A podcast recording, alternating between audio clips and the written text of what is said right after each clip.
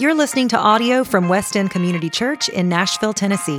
If you'd like to check out more great resources or make a donation to this ministry, please visit westendcc.org. Thanks for downloading, and we hope this encourages you today.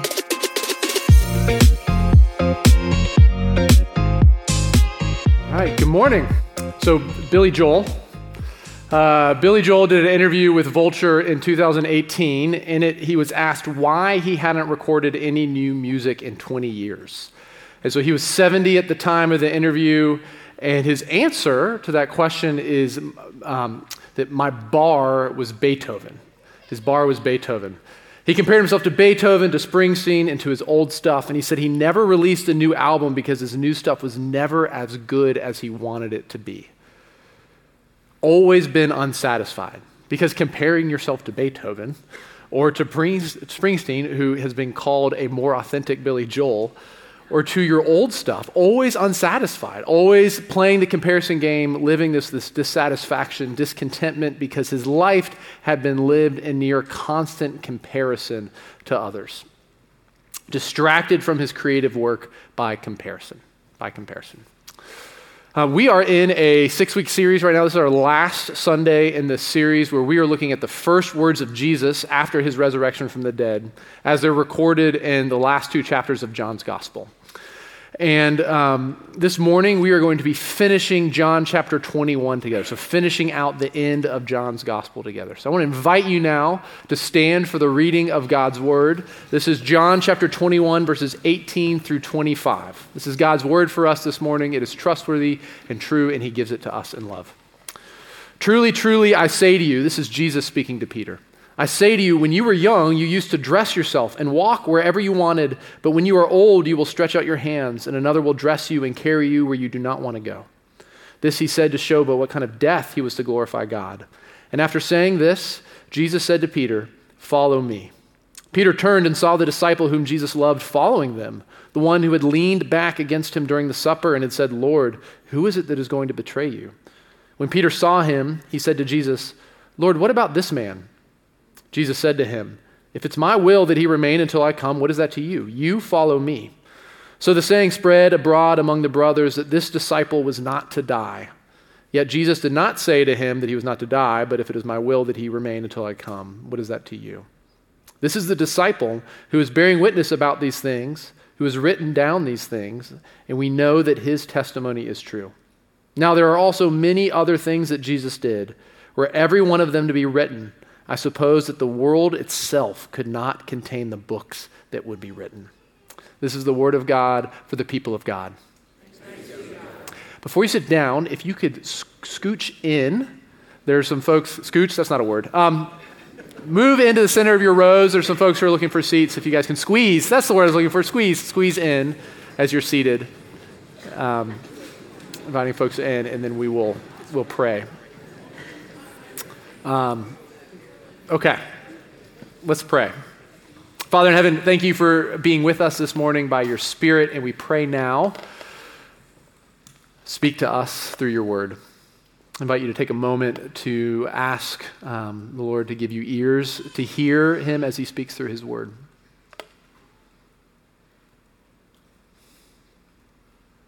Would you pray for those who are sitting around you? And would you pray for me? In the name of the Father, and the Son, and the Holy Spirit, amen. So, in the, in the Chronicles of Narnia, um, the character Aslan the lion, who's the Christ figure of these books, has this interaction with two of the characters, Shasta and Lucy, at the end of two of the books. And they're walking on the beach with Aslan, and um, they're trying to figure out other people's lives, what's going to happen to them. And Aslan says to them, Child, I am telling you your story, not anyone else's. No one is told there's, own, oh, there's no one is told any story but their own. And this is what Jesus is doing here. Peter's asking Jesus, what about him? Asking about Jesus about John. What about him? What about his story? And Jesus responds, Child, I'm with you. I'm telling you your story, not his.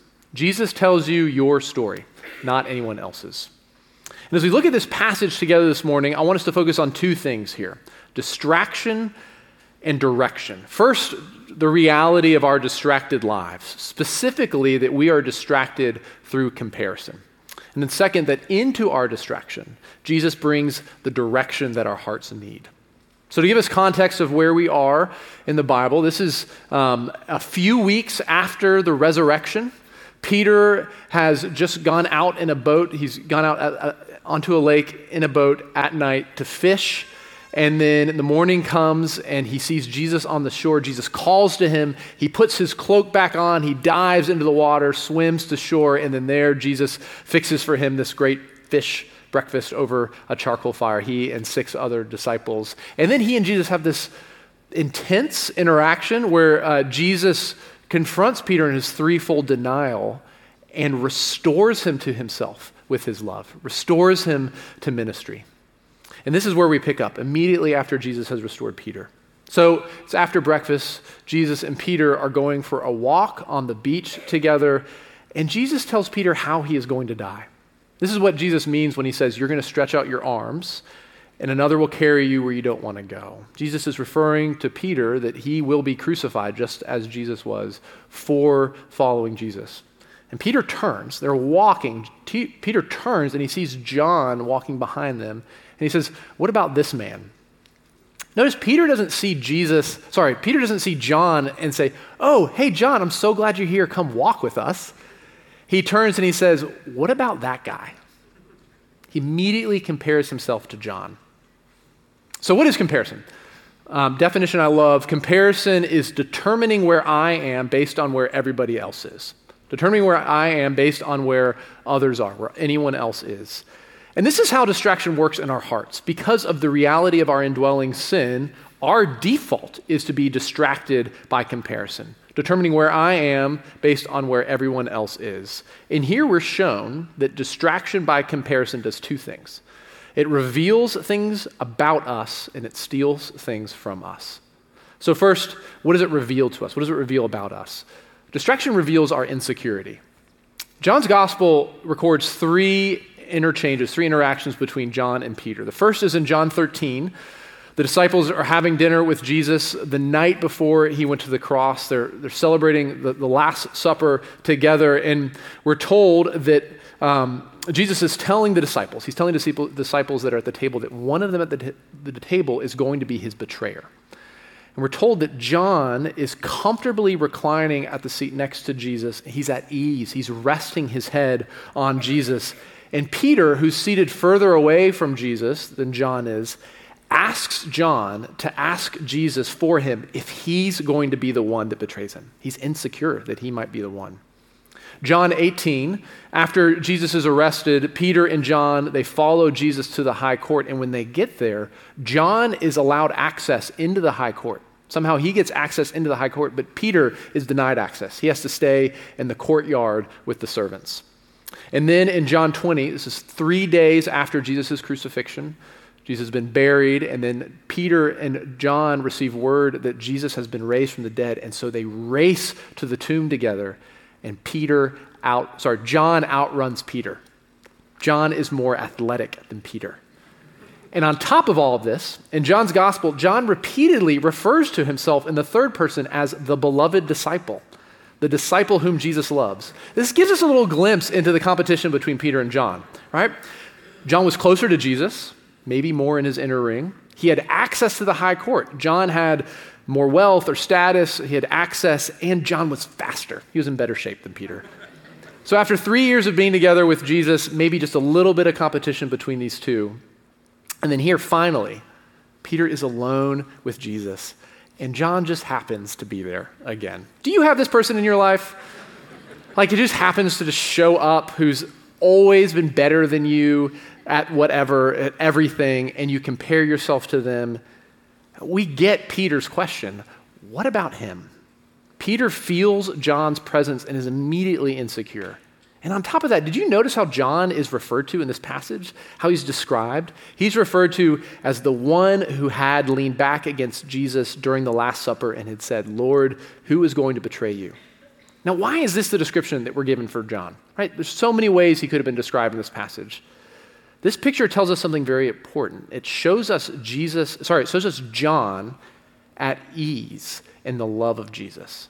He's secure, he's resting, so secure he could never imagine betraying Jesus. And then this shows us something about the human heart that when we see others at ease, whether their security is in Christ or they're resting in an idol, when we see others at ease, our restless hearts get curious. We begin to compare ourselves to them, and then we become insecure. And do you see what Peter's doing? He's looking away from Jesus, who has just invited him, who's just commanded him to follow me. And instead, he's looking towards John. He's asking, is this, how is he going to die? Is he going to die the same way I am? Saying, I'd kind of rather have what John has than what you have, Jesus. I want you to think about the way this works in your own heart. What do you do when you see someone that has the life you want? Who has the personality trait that you want, or the friends that you want, or the type of family that you want, or the wealth that you want, or the physique that you want? And then they hold it with effortless ease. Well, what do we begin to do? We, we think, how can I get what they have? Where did they get it? What's the source of their ease? And we begin to feel insecure. Our comparison reveals our insecurity, and then our comparison steals. So, what does it steal? Verse 22, Jesus says to Peter, What is it to you? Jesus is saying, Child, I'm with you. I'm telling you your story. Your job is to follow me. What is Jesus saying? He's saying that he has a life for Peter, a life that only Peter can live, and if he's fixated on John, he's going to miss it.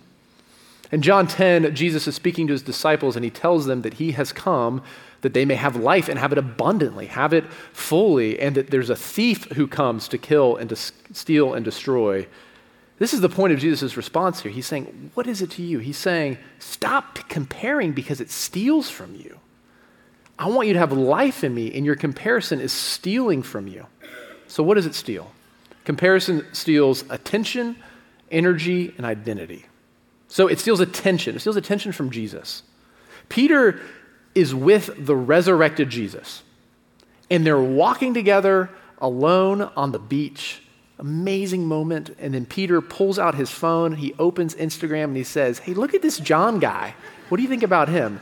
And Jesus is like, Come on, come on, Peter, put your phone away. All right, comparison steals our attention. Why, like, like, why does everyone like him? What, what does she have that I don't? It steals our attention. It also steals our energy. Jesus' command here is an imperative. He says, Follow me. It's a directive.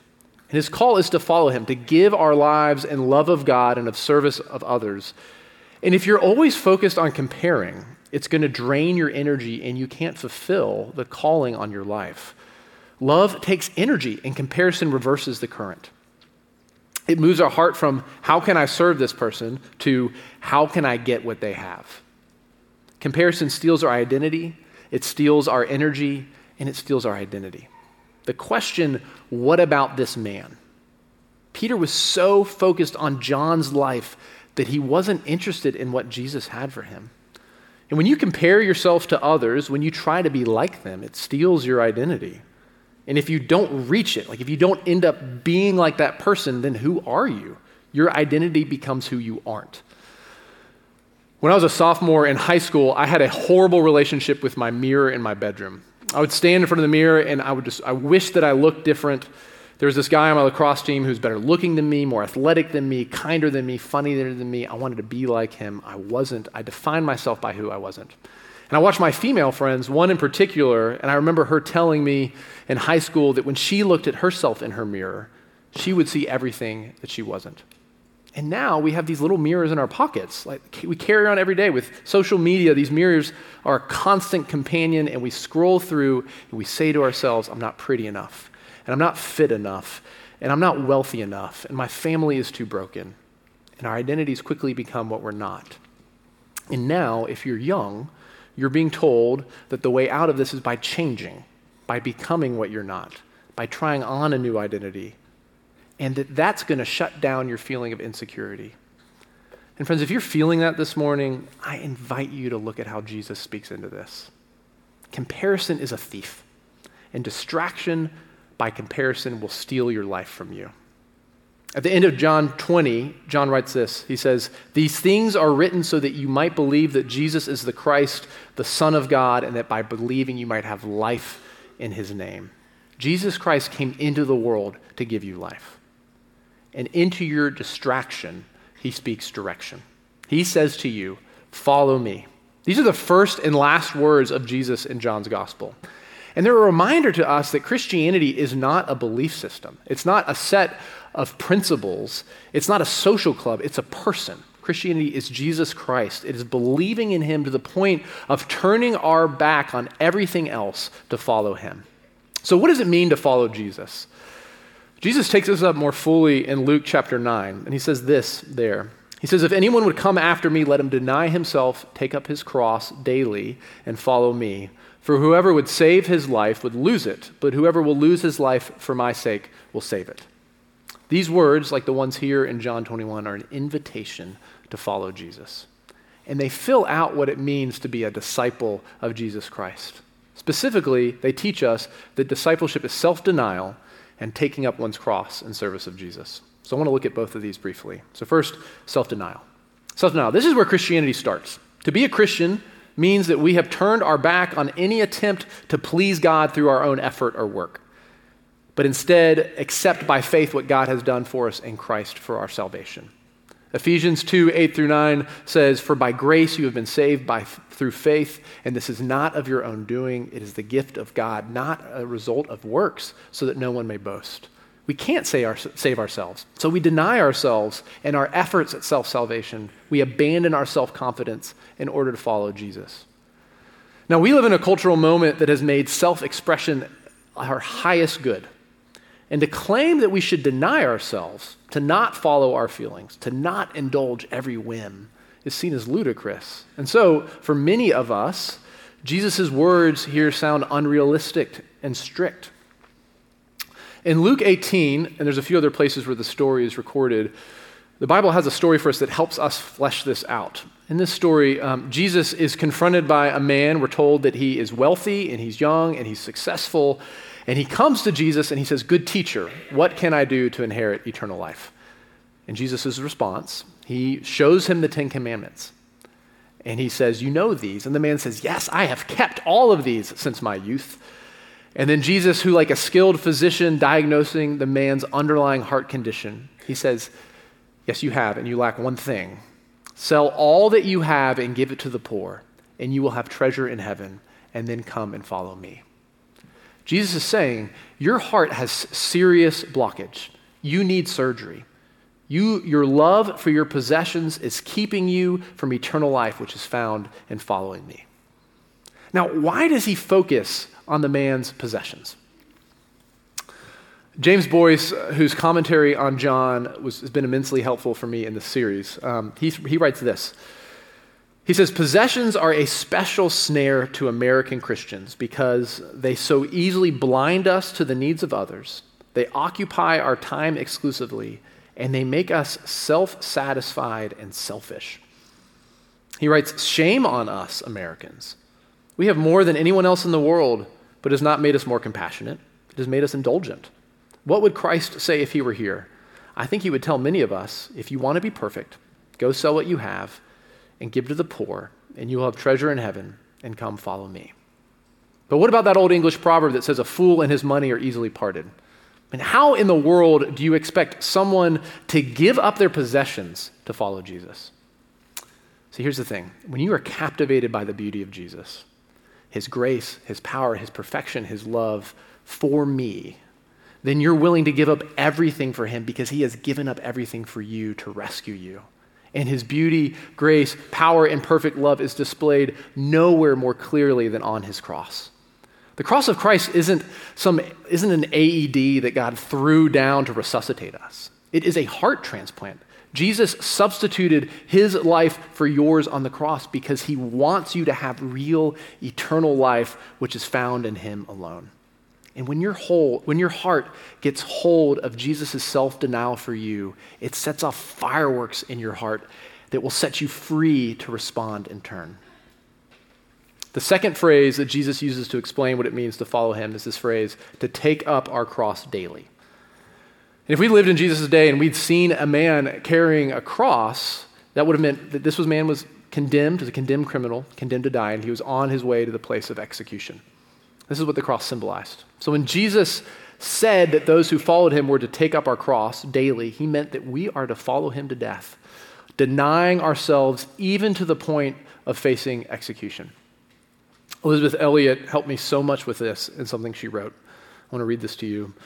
She says, I think there's a great deal of nonsense taught about this business of bearing our cross. For example, when people shrug their shoulders and say, Well, I suppose that's meant to be my cross, they suggest that the cross is some inevitable circumstance which cannot be avoided. But the cross can be avoided. So I think that what Jesus is getting at here is the voluntary, positive acceptance of what he is asking us, whatever it may be.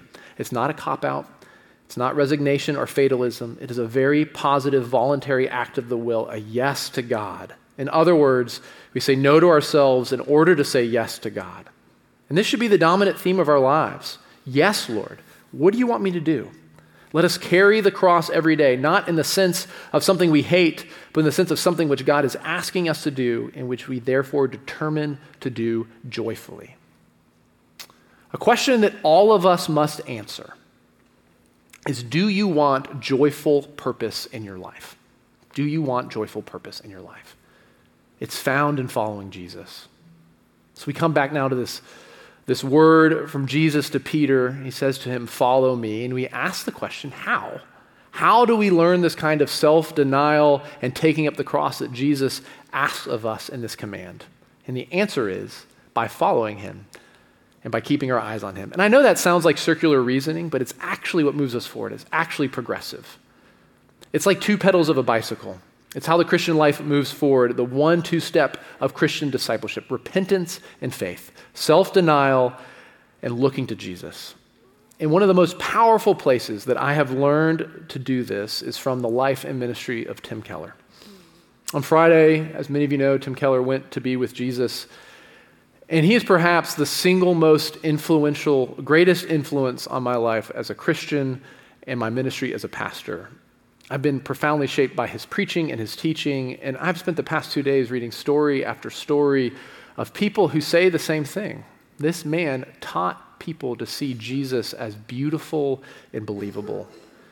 And the greatest thing that I can say about Tim Keller, and I'm probably going to say a lot over the next coming weeks and years. But the greatest thing I can say about him is that he made me want to know and to love and to follow Jesus.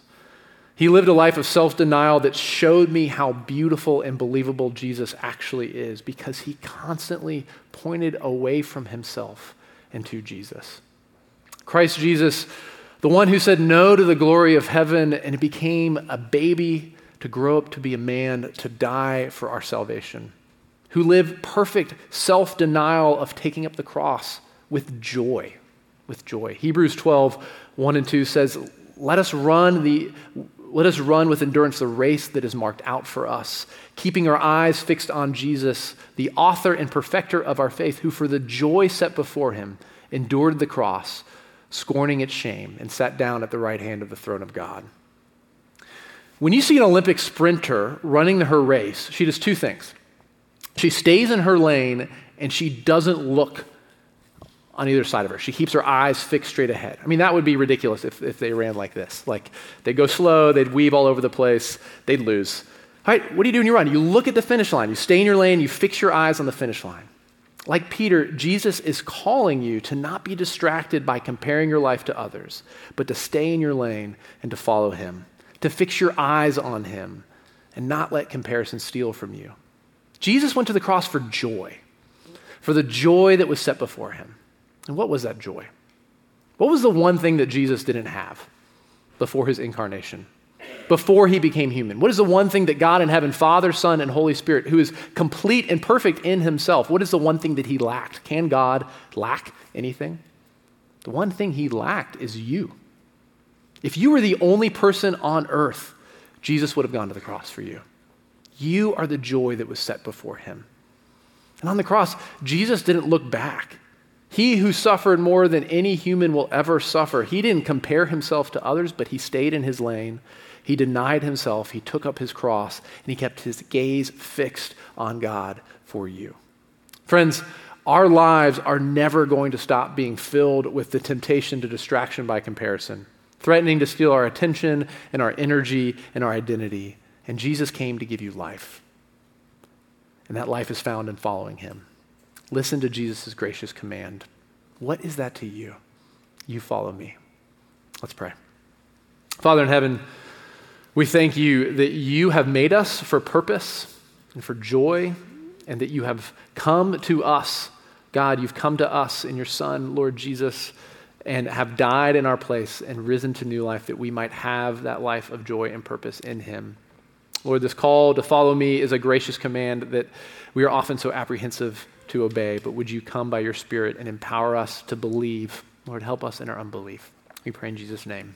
Amen.